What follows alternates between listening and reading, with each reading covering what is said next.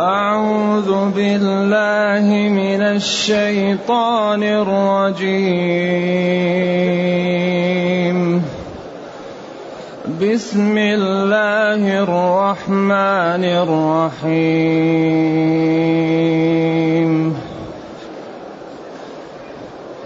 يا أيها النبي اتق الله. اتق الله ولا تطع الكافرين والمنافقين. إن الله كان عليما حكيما. واتبع ما يوحى إليك من ربك. واتبع ما يوحى إليك من ربك. إن الله كان بما تعملون خبيرا. وتوكل على الله. وتوكل على الله وكفى بالله وكيلا. ما جعل الله لرجل من قلبين في جوفه وما جعل أزواجكم اللائي تظاهرون منهن أمهاتكم وما جعل أدعياءكم أبناءكم ذلكم قولكم بأفواهكم. ذلكم قولكم بأفواهكم والله يقول الحق. والله يقول الحق وهو يهدي السبيل. ادعوهم لآبائهم هو أقسط عند الله. فإن لم تعلموا آباءهم فإخوانكم فإخوانكم في الدين ومواليكم. وليس عليكم جناح فيما أخطأتم. وليس عليكم جناح فيما أخطأتم به ولكن ولكن ما تعمدت قلوبكم وكان الله غفورا رحيما. النبي أولى بالمؤمنين من أنفسهم النبي أولى بالمؤمنين من أنفسهم وأزواجه أمهاتهم وأزواجه أمهاتهم وأولو الأرحام بعضهم أولى ببعض وأولو الأرحام بعضهم أولى ببعض في كتاب الله في كتاب الله من المؤمنين والمهاجرين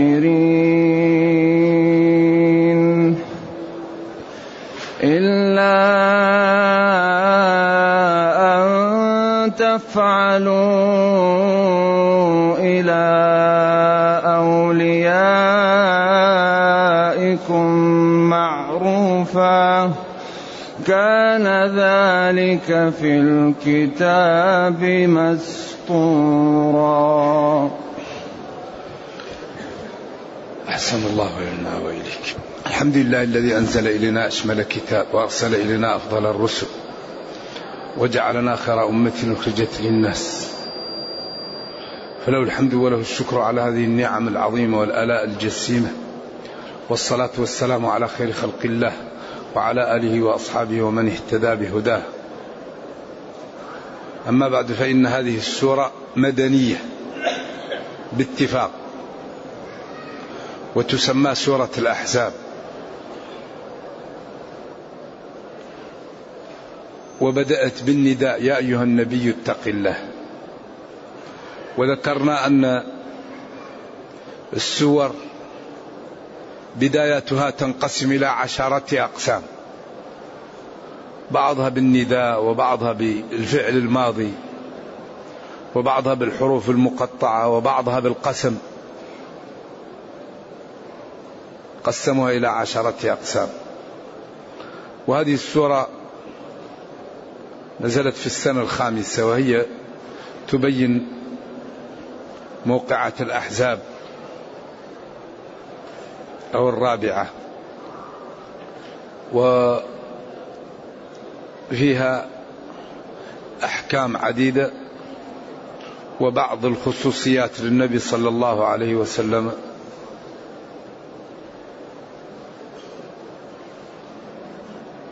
وفيها أصول النصر. بين فيها أصول النصر. رسمت فيها الشريعة أصول النصر وأنه يكون بالإعداد وأن الإعداد حسي ومعنوي وأن المسلمين مطالبون بالإعداد فإذا أعدوا الباقي ليس عليهم. يأتي النصر من الله. تقدمت البسملة وتقدم الخلاف فيها. وأنها أبتدئ بتسمية الله تعالى قراءة الذي شملت رحمته جميع الخلق وخص المؤمنين برحمة خاصة. هذه بسم الله. أبتدئ قراءتي بتسمية المعبود بحق الذي شملت رحمته جميع الخلق وخص المسلمين برحمة خاصة وهذا يتكرر. يا أيها النبي يا حرف نداء للبعيد وهي أم الباب ولا ينادى محذوف إلا هي. أما بقية الأدوات لا, لا ينادى بها إلا مذكورة. ويوصل للنداء فيه ال والنبي والنبي هو الرسول على الخلاف الموجود. يا أيها النبي اتق الله.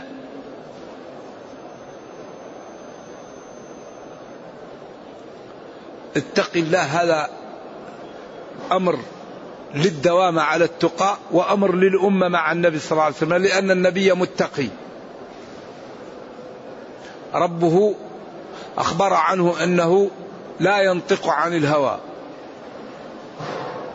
وأخبر عنه أن ما جاء به يجب أن يتابع فيه. ولو كان يفعل ما ما قال وما أتاكم الرسول فخذوه. ما قال إلا إذا كان ما استثنى. وقال من يطيع الرسول فقد أطاع الله. وقال جل وعلا لقد كان لكم في رسول الله أسوة. إذا ينادي الرب جل وعلا نبيه ويأمره بالتقى. يا أيها النبي اتق الله. أي اتقي أصلها من وقى وقايا وكل فعل مثال أمر ومضارع ومصدر يحذف منه الفاء. هذا مضطرد. فأمر أو مضارع منك وعد احذف وفيك عيدة ذاك الطرد. أصلها اتقى أصلها إوتقى من وقى. فتقول يتقي وتقول قي. أيوة. لأن وقع الأول منها مثال علة والأخير فيبقى على حرف واحد. ومنه اللغز الذي ذكره ابن هشام في أول المغني إن هند المليحة الحسناء وأي من أضمرت لخل وفاء. إن إن هند المليحة. إن يعني من وآية إي. إن. والنون للتأكيد. والياء فعل مخاطبة إن منها وآية إي. إن. فاجتمعت الساكنات فصارت إن. هند منادى. المريحة وصف على المحل. أيوة. الحسناء صفة. وأي مفعول مطلق من إي. أوفي لنا. يا هند وفاء من أضمرت لخل. من, من صدقت. نعم. إذا يا أيها النبي اتق الله. أي دم على تقوى الله. وأتباعك أيضا يتقون الله. ثم قال ولا تطع الكافرين والمنافقين. هناك أسباب نزول لا أعرفها صحيحة ولكن وردت أن المنافقين وكفار قريش بيتوا ودبروا وقالوا اذهبوا لمحمد صلى الله عليه وسلم وقولوا له يترك آلهتكم بالعيب وأنتم تتبعونه ويكون بينكم مهادنة في السباب والشتائم.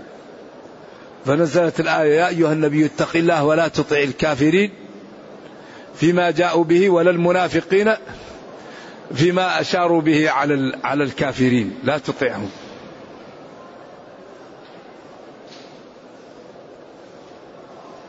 أو الآية عامة يا أيها النبي اتق الله يعني طع ربك ودم على ذلك.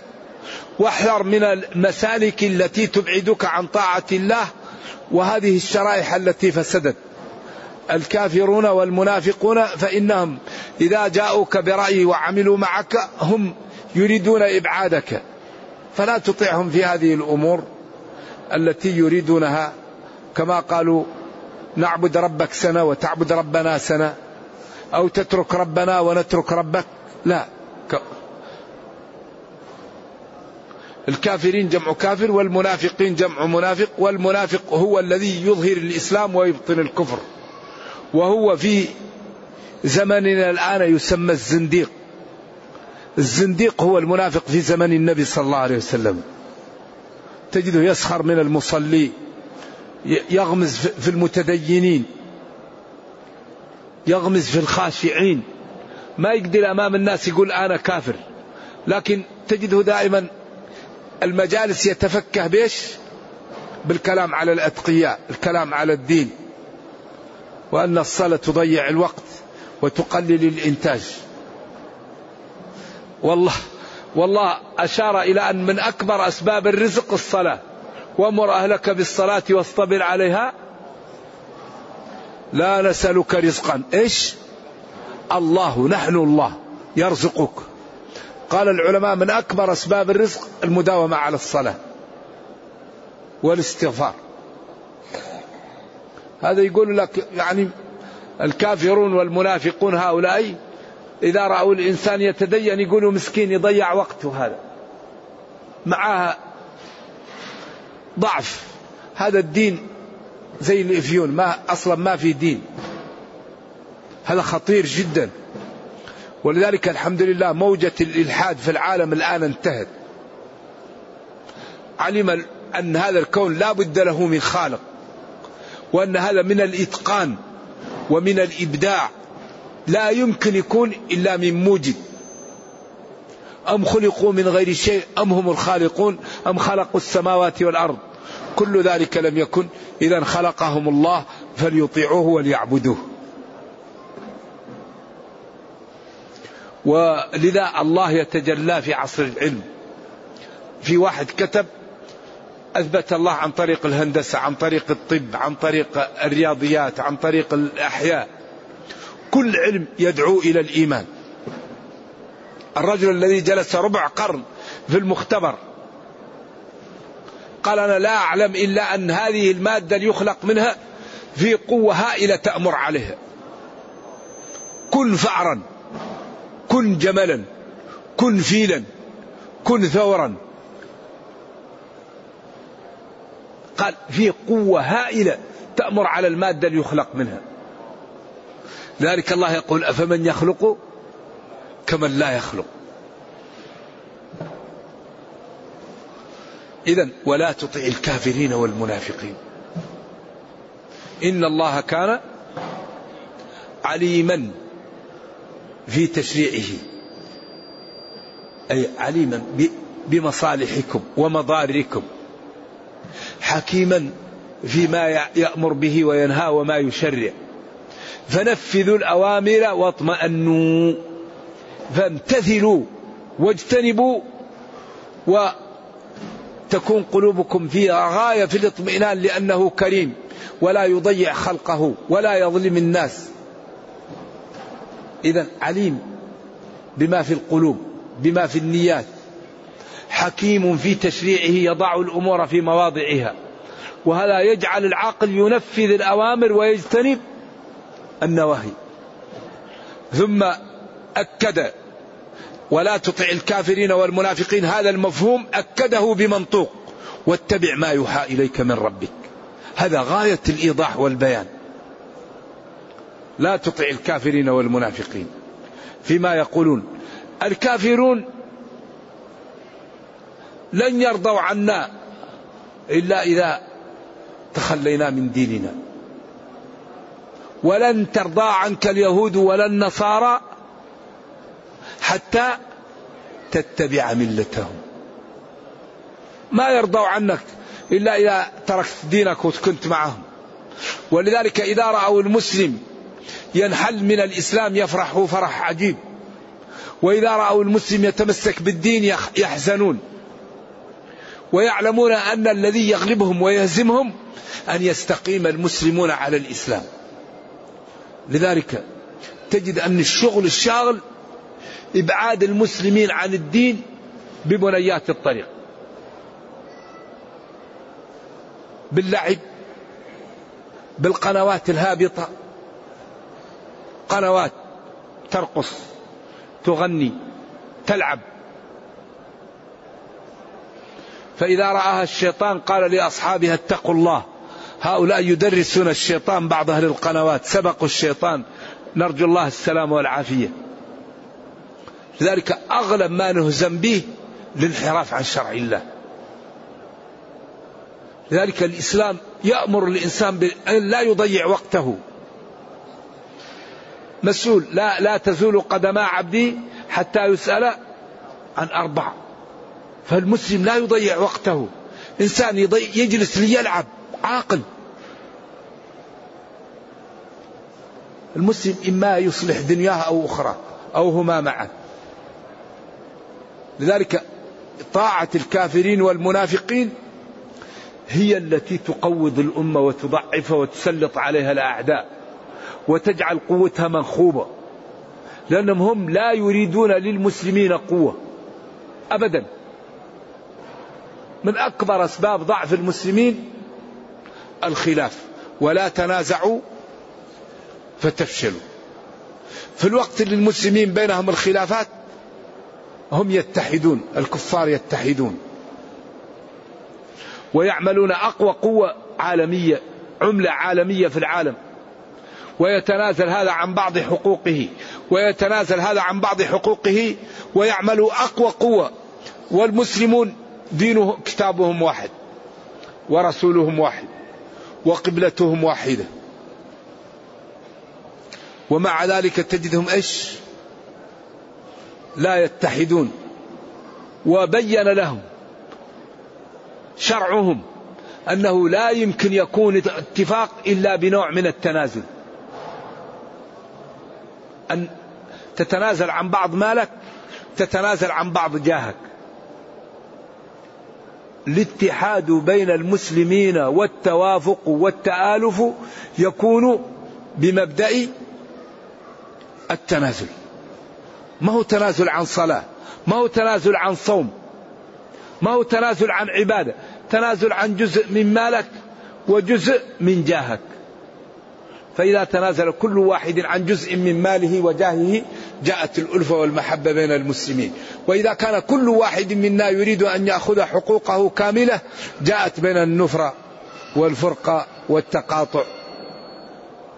ولذلك حديث الترمذي الذي شرحه الحافظ بن رجب هذا حري بأن يدرس.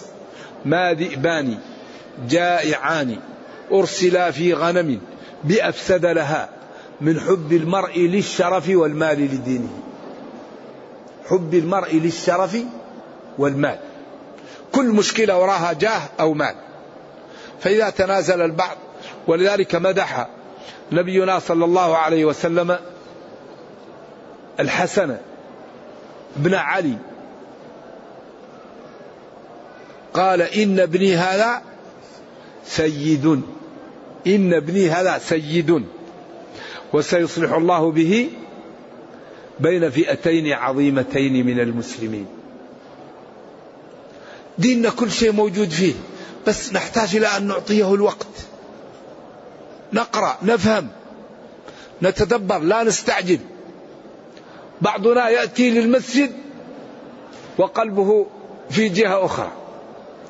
وإذا جاء يصلي بدون طعم ويقرأ بدون طعم وإذا مشى عن المسجد يقول للدين خليك في المسجد حتى نرجع لك. خلاص المسجد في الدين في البيت لا في المسجد الدين معك في, في, في الشارع وفي البيت وفي كل شيء. لا بد أن نلبس الدين في كل محل حتى ينفعنا وننتفع به. نعم. واتبع ما يوحى إليك من ربك. اتبع. الاتباع هو سلوك الأمر والتزامه. ما يوحى إليك الذي يوحيه الله إليك أو الموحى إليك من ربك وهو القرآن. إن الله كان عليما. إن الله كان بعملكم أو بالذي تعملونه خبير لا يخفى عليه شيء. والجملة صالحة للترغيب والترهيب. بعدين قال وتوكل على الله. توكل على من؟ على الله.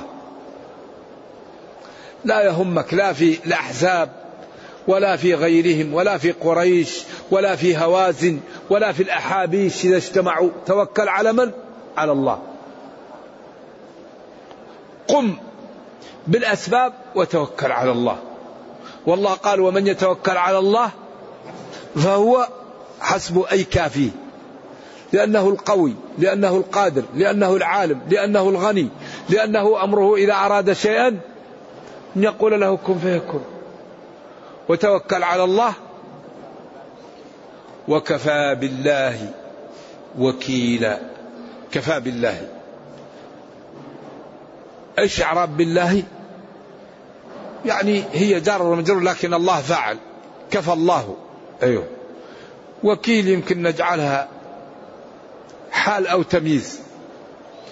كفى بالله في حال كونه وكيلا لخلقه أو من وكيل. نعم. يكفيك الله في حال كونه يعني وكيلا عليك وحافظا لك. أو يكفيك الله من وكيل أي من حافظ لك. ثم بين ثلاثة أمور. قضية التبني وقضية الظهار وقضية نعم. ما جعل الله لرجل من قلبين في جوفه. ما جعل الله لرجل من قلبين في جوفه. قيل كان رجل من قريش ذكي جدا وكانوا يقولون له ذا القلبين. وقيل كانوا يرون النبي صلى الله عليه وسلم يراهم من خلفه فقالوا له قلبان. فأنزل الله تعالى هذه الآية مبينا وممثلا لما قالوه في التبني وفي الظهار. فقال جل وعلا ما جعل الله لرجل من قلبين في جوفه. لأنه إذا كان فيه قلبان لا يخلو من أن يكون عمل هذا عمل هذا فيكون الثاني عاطل. أو يكون هذا يعمل غير عمل هذا فيكون الإنسان مجنون. يقول له لا تفعل أفعل. قم لا تقم. اجلس لا تجلس. فيكون الإنسان في داخله تضاد فيكون مجنون. أو يكون القلب يعمل مثل ما يعمل القلب واحد يكفي. إذا عقلا وواقعا ما جعل الله لرجل من قلبين في جوفه. جعل قلب واحد. وما جعل أزواجكم اللائي اللائي تظاهرون تظاهرون تظاهرون تظهرون. أربع قراءات سبعية والمعنى واحد ما في خلاف. أيوه.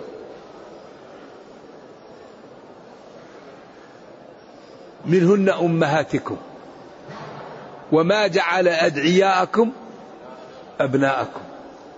إذا ليس لأحد قلبان. وليس الدعي إبن. أبدا.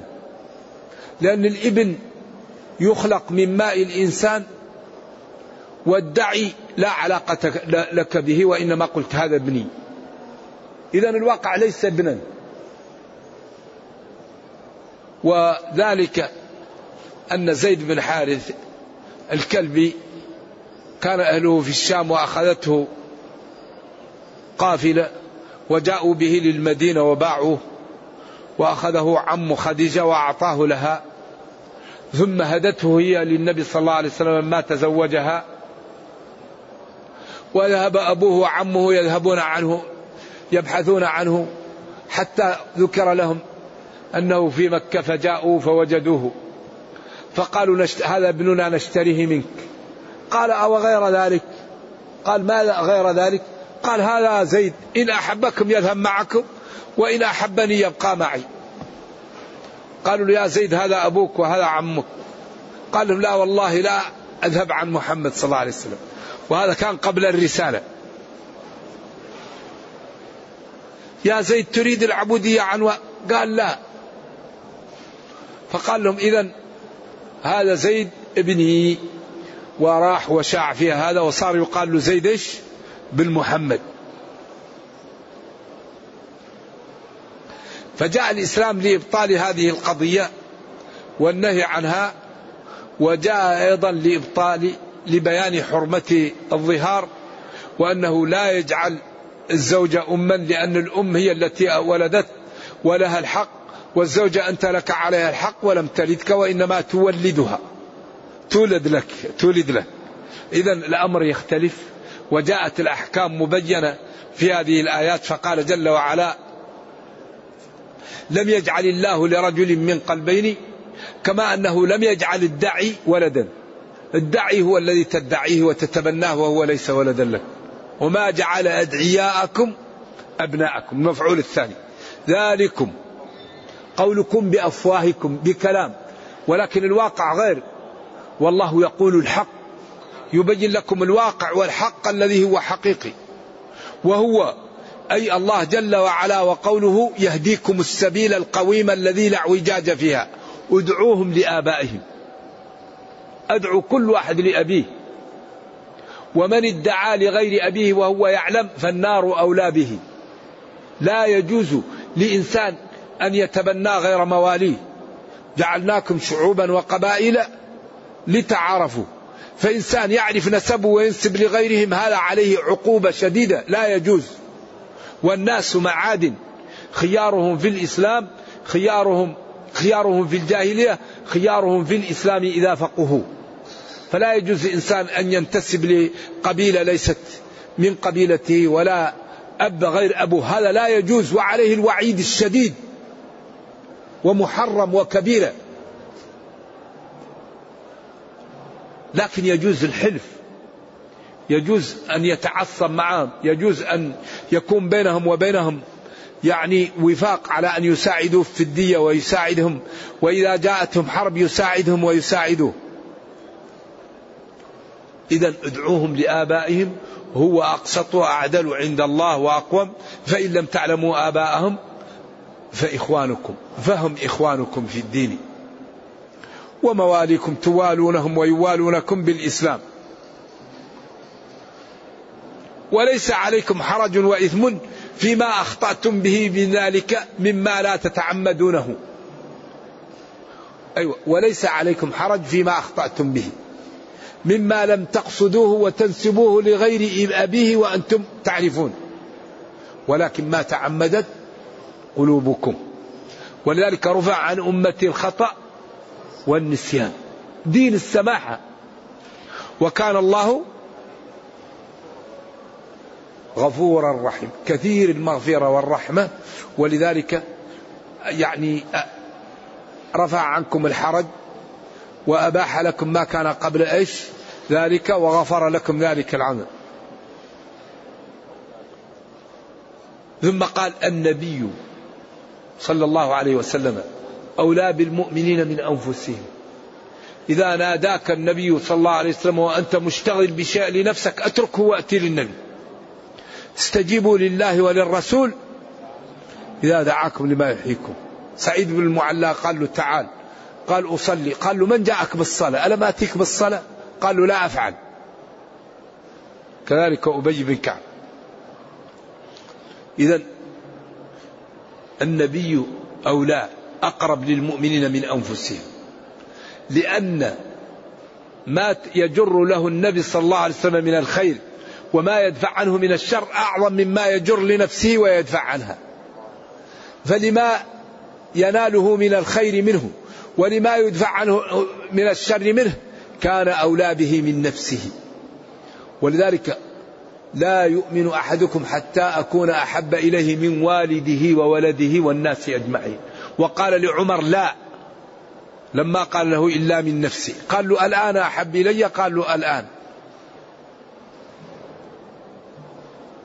وأزواجه أمهاتهم وهو أب لهم. في, في الحرمة في النكاح وللتوقير والاحترام. ولكن بنات أخواتهم وعماتهم وأقرباتهم ليسوا كذلك. بس أمهاتهم في الاحترام وتحريم التزويج. ولا ولا ولا أن تنكحوا أزواجه من بعده أبدا. إن ذلكم كان عند الله عظيما. وأولو الأرحام بعضهم أولى ببعض في كتاب الله. من المؤمنين والمهاجرين. وهذا ناسخ للتآخي الذي فعلوه إبان الهجرة.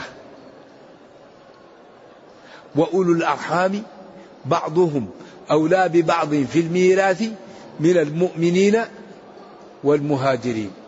لكن لكم أن تعطوا لأوليائكم معروفا من أموالكم ومن وصية ومن إكرام ومن هدايا ومن غير ذلك. لكن الميراث لا. الميراث للأقارب.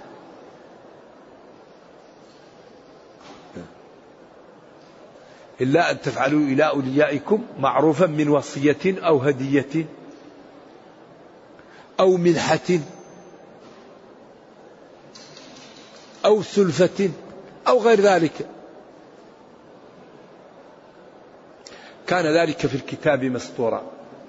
كان ذلك في اللوح المحفوظ؟ أيوة مكتوب. طيب إيش آية الظهار؟ ما هي موجودة هنا؟ والله تعديناها. وما جعل أزواجكم اللائي تظاهرون منهن أمهاتكم. هذا باب اسمه باب الظهار. وهو أن يقول الرجل لزوجه أنت علي كظهر أمي. فهذا أوس. لما غضب من زوجه وكان في حدة فقال لها أنت علي كظهر أمي. فجاءت النبي صلى الله عليه وسلم فقال لها لا أرى إلا حرمت عليه. قالت عندي الصبية إن تركتهم عنده ضاعوا وإن كانوا معي جاعوا. فما لا أفعل؟ فهي مفصلة في سورة المجادلة أو المجادلة. و هنا أقوال للعلماء كثيرة. يعني أولا أن الظهار محرم. لأنه كذب. ثاني شيء الظهار. لا بد فيه من كفارة قبل المسيس